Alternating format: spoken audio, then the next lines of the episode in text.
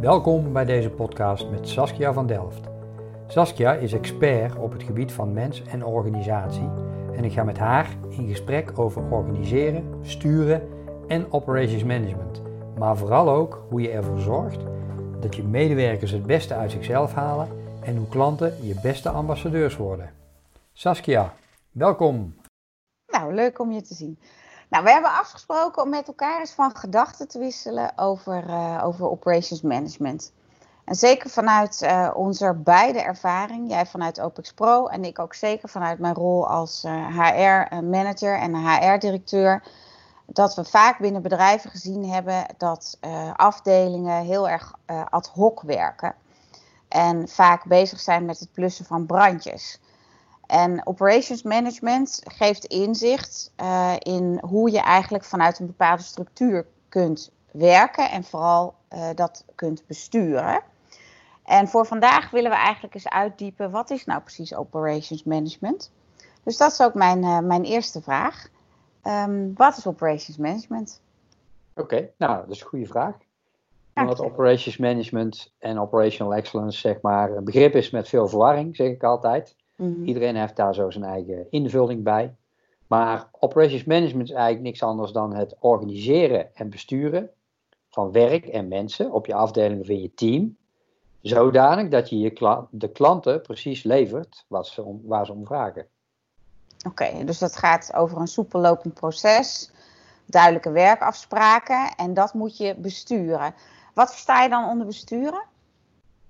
Ja, besturen is eigenlijk, uh, de essentie van besturen is eigenlijk, begint bij organiseren. Mm -hmm. hoe organiseren wij onszelf, hè, waardoor we het werk kunnen verrichten.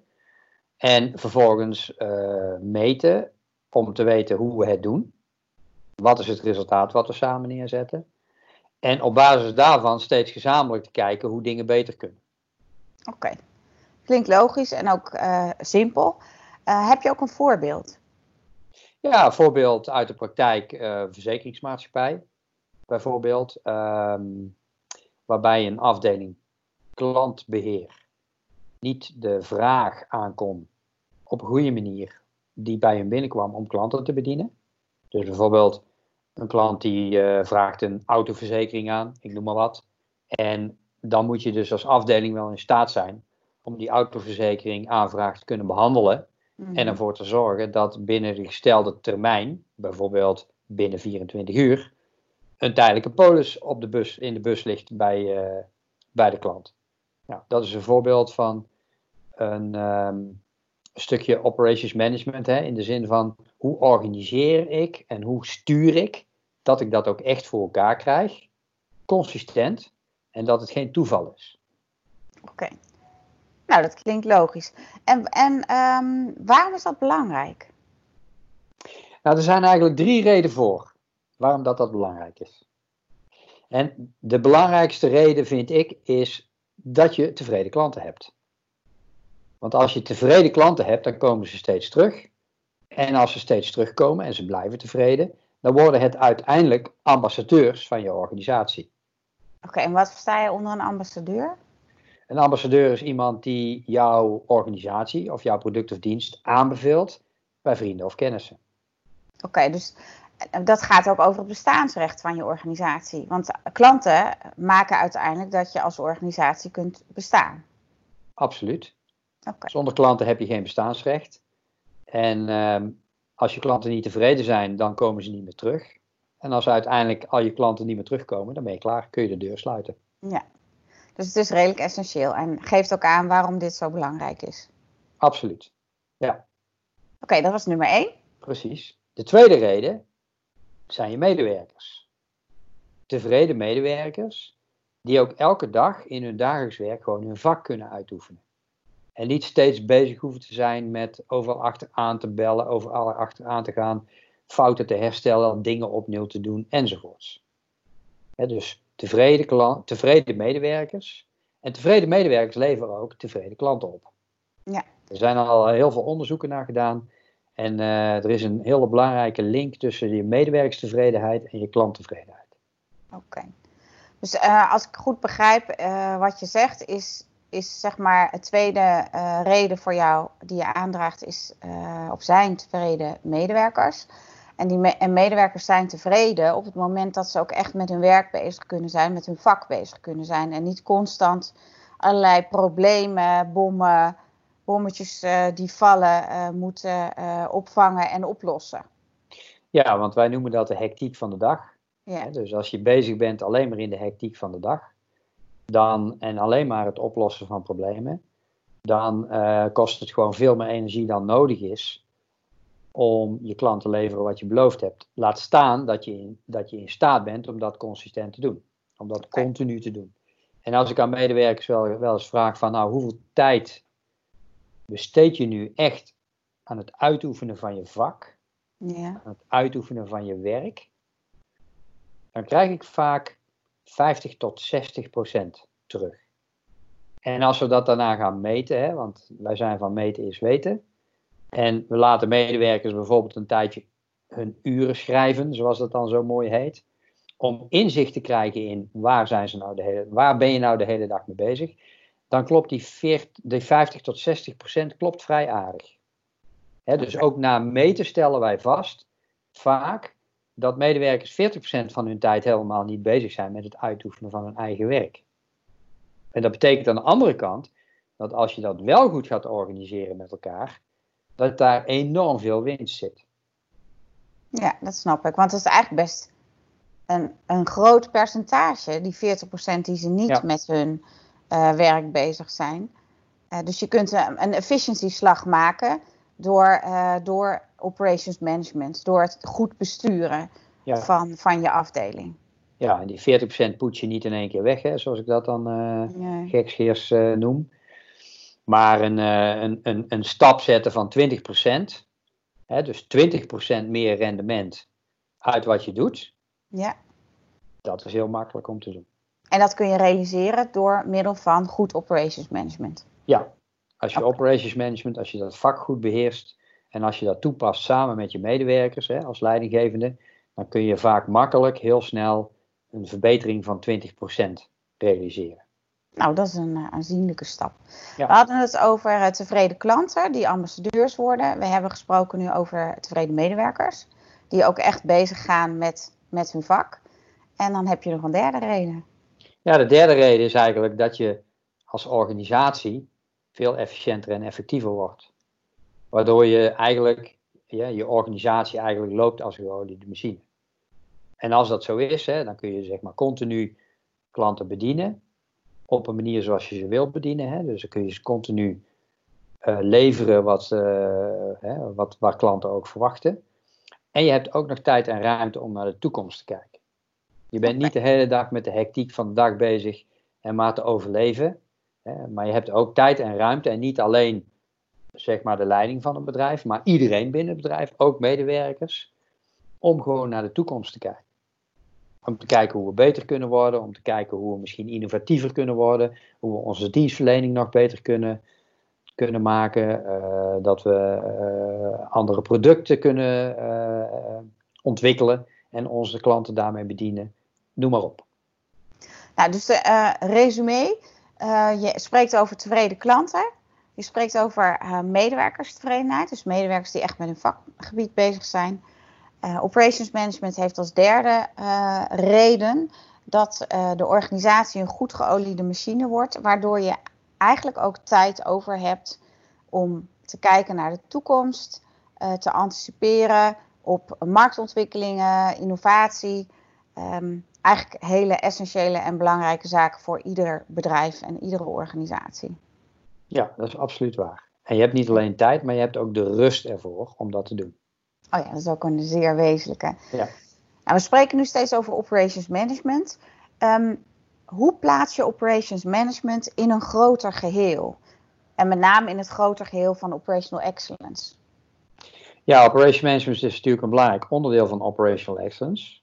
Waarbij wij vinden dat operational excellence betekent eigenlijk dat je uitblinkt in dienstverlening. En dan, wij werken vooral voor dienstverlenende bedrijven, hè, bedrijven uit de dienstverlenende industrie. Dat is ook een hele grote sector in Nederland. En uitblinken juist in die dienstverlening, dat is operational excellence. En, en kun je iets nader specificeren wat je bedoelt met uitblinken in dienstverlening? Ja, uitblinken betekent eigenlijk heel simpel dat je klanten precies weten wat ze van je kunnen verwachten. En dat ze dat dan ook krijgen in één keer goed tegen voor hen een redelijke prijs. En als je dan naar uh, voorbeelden kijkt, hè, ik, uh, ik, vraag ook altijd aan uh, mensen van, nou, noem eens een voorbeeld van een, van een bedrijf waarvan jij vindt dat je als klant zo behandeld wordt. Nou, dan krijg je bijvoorbeeld de bol.coms van deze wereld, hè, waarbij mensen toch belangrijk vinden dat als ze iets bestellen en het is op voorraad, dat het de volgende dag geleverd wordt, zoals ook geclaimd wordt door, door in dit geval bol.com. En in de beleving van klanten is dat ook in 99,9% van de gevallen het geval. Ja, en zo, en zo wordt er ook gesproken over organisaties als, uh, als Bol.com. Hè? Dat dat een van hen, van de USP's is, de, de, de, de unique selling points, zoals dat ze mooi zeggen. Dat ze echt leveren wat ze beloven. Ja, en daarbij, hè, daarmee hebben ze operational excellence als strategie gekozen. Ja. Waarbij dat vertaald is. Nou, wat betekent dat dan? Nou, dat betekent dus onder andere dat als een klant iets bij ons bestelt en we hebben het tot voorraad, dat hij of zij dat de volgende dag in huis heeft. Okay. Dus de vertaling van operational excellence naar de dagelijkse praktijk, waardoor medewerkers ook weten wat dat voor hun werk betekent, dat is essentieel. Nee, ik, we hebben het er wel eerder over gehad. Ik vind zelf altijd IKEA een hele, heel mooi voorbeeld. En vooral uh, omdat ik vanuit eigen ervaring uh, uh, ja, heb meegemaakt dat of je nou in Nederland bent, in Portugal of ergens anders, in Amerika ben ik ook wel eens in de IKEA geweest. Het is overal hetzelfde. Het, het proces is hetzelfde, de dienstverlening is hetzelfde. En ja, ik heb me daar altijd over verbaasd hoe, hoe goed dat georganiseerd is en hoe goed dat werkt. En dat je als klant ook gewoon weet van, oh nou, als ik daar naar de IKEA ga, dan, dan is dit wat ik kan verwachten en zo is het overal. Ja, dat is ook geen toeval, hè? Dat is dus echt een bewuste keuze. Dus een strategische keuze voor operational excellence. Vertaald naar het werk van alle medewerkers. Hè? Vertaald ook naar alle processen, procedures binnen die organisatie. Waarbij het een kernwaarde heeft. Hè? Dus het is een kernwaarde van IKEA, onder andere. Hè? Dat, dat je operational excellence bent. Ja. En het is een kernwaarde hè? dat je betrouwbaar bent als organisatie. Dat je klant precies weet wat hij van je mag verwachten en dat je dat ook levert. En die kernwaarde wordt gedragen door elke medewerker in het bedrijf. Ja, ik vind het is ook echt mooi om te zien dat dat ook echt zo werkt. Ik, uh, ja, ik vind dat heel bijzonder. Um, Oké, dus dat, uh, uh, dat, dat is hoe je operations management in het grote geheel van operational excellence plaatst. En als je nou kijkt naar operational excellence, Um, zeker in deze uh, tijd uh, van corona, waarin er natuurlijk, uh, ja, waar eigenlijk een crisis aan het ontstaan is, of waarin een crisis is, is gekomen, um, is operational excellence nou juist iets voor, voor groei, voor bedrijven die aan het groeien zijn, voor florerende tijden, of is het juist ook iets um, wat je, waar je naar kijkt als het minder goed gaat? Ja, operational excellence is eigenlijk voor beide. Hè? Is eigenlijk Operational excellence is een soort moederstrategie. En als je te maken hebt met groei, dan heb je te maken met schaalbaarheid. Mm En als je groeit en je krijgt dus als organisatie meer werk, dan is de vraag hoe schaalbaar ben je? En als je dan in de manier waarop je het werk wordt verricht en het werk is georganiseerd, als daar steeds problemen zich voordoen, dan, dan neemt zeg maar, het aantal problemen exponentieel toe hè, wanneer het werk toeneemt. Mhm. Dus dan krijg je, dan wordt het eigenlijk onmogelijk om succesvol te zijn. Hè, dus bij groei is het belangrijk om vanuit schaalbaar perspectief, schaalbaarheidsperspectief, operational excellence te zijn. Okay. En als je nou kijkt in tijden van crisis, dan kun je denken bijvoorbeeld aan, uh, ik moet met minder mensen, ik krijg minder klanten. En dan is het ook juist belangrijk, omdat je dan moet kijken van hoe kan ik met een organisatie, hoe kan ik meebewegen met de markt, hè, hoe kan ik mee veranderen, op een manier waarbij ik wel uit blijf blinken in mijn dienstverlening naar mijn klanten. Want dan komen klanten steeds bij je terug. En zeker in tijden van crisis is dat nog belangrijker. Hè? Dat de klanten die je hebt, dat die tevreden zijn, dat die steeds bij jou terugkomen en die bij je blijven. Ja, dus wat je zegt is dat operational excellence eigenlijk een strategie is die zowel in een, in een groeifase als in een fase van, van crisis, waarin uh, de marktomstandigheden moeilijker zijn, uh, essentieel is. Absoluut, absoluut. Ja. Oké, nou mooi. Nou, we, spraken over, uh, of we spreken over operations management in het grotere geheel van operational excellence. Um, als afsluiting, als het gaat om operations management, wat vind jij dat iedere manager, iedere goede operations manager eigenlijk moet kunnen? En, en, en welke vaardigheden, welke, um, ja, welke visie moet hebben voor zijn afdeling? Ja, de essentie van een goede, van, van, van iedere goede leidinggevende is dat de, hij of zij zich bewust is van het feit dat uh, de prestatie van het team afhankelijk is van zijn eigen persoonlijke groei. Oké. Dus, dus, je moet als leidinggevende je ook bewust zijn van het feit dat eigenlijk er een, een grote mate van afhankelijkheid is van hoe jij als persoon in elkaar zit, welke skills en vaardigheden jij hebt en in hoeverre jij zelf ook in staat bent om te zien dat, jou, dat je eerst persoonlijk moet groeien voordat je eigenlijk met je team kunt groeien. Dat en is... kun, je, kun je ook een voorbeeld noemen wat jij verstaat onder persoonlijke groei? Nou, persoonlijke groei betekent dat je ook afstand moet kunnen nemen van de dagelijkse hectiek. dat je vertrouwen moet kunnen geven aan je medewerkers. Dat is een, daar is vaak wel persoonlijke groei voor nodig. En dat je kaders moet kunnen stellen, maar binnen die kaders die medewerkers een soort van vrijheid moet geven om elke dag hun eigen werk uh, uit te voeren, om daar invulling aan te geven. En om samen te kijken naar hoe dat gaat en om samen te sturen naar verbetering. Oké, dus als ik dan denk, hè, wat, jij noemt het geven van vertrouwen um, aan medewerkers en samen met hen iets creëren, verbetering creëren, dan zou een stuk persoonlijke groei kunnen gaan ook over het feit dat, dat je um, als manager niet de controle hoeft te houden. Dat je, dat je leert om de, uh, het eigenaarschap ook daadwerkelijk bij je mensen neer te leggen. Ja, okay. dat is eigenlijk de tegenhanger van vertrouwen, hè? is controle. Ja. ja. En, en het, er is vaak persoonlijke groei nodig om die switch te kunnen maken van controle naar het geven van vertrouwen en vertrouwen hebben in je mensen. Ja, en ik weet dat is een van de woorden die jij veel gebruikt. En die vind ik zelf echt heel aansprekend. is co-creatie. Dus je bent ook bezig met je mensen samen dingen te creëren, te verbeteren um, en te organiseren. Ja, absoluut. Co-creatie is een sleutel, hè? want daarmee ja. kun je, daar, hè, daarmee creëer je eigenlijk veel meer dan de, de optelsom der delen, hè, zoals dat dan zo mooi heet. En um, als je samen met je medewerkers in een co-creatiestand het, het dagelijks werk kunt, uh, kunt uh, besturen en organiseren, dan ben je uh, veel sneller in staat om, op een, om, een, om het beter te doen. En dan ben je ook veel sneller in staat om echt stappen te maken en innovaties door te voeren, hè, die je nog op een, hoger, op een hoger plan brengt. Dus als ik het samenvat, wat je zegt is persoonlijke groei is belangrijk uh, eigenaarschap, hè, de co-creatie met je medewerkers. Heb je daar verder nog iets aan toe te voegen?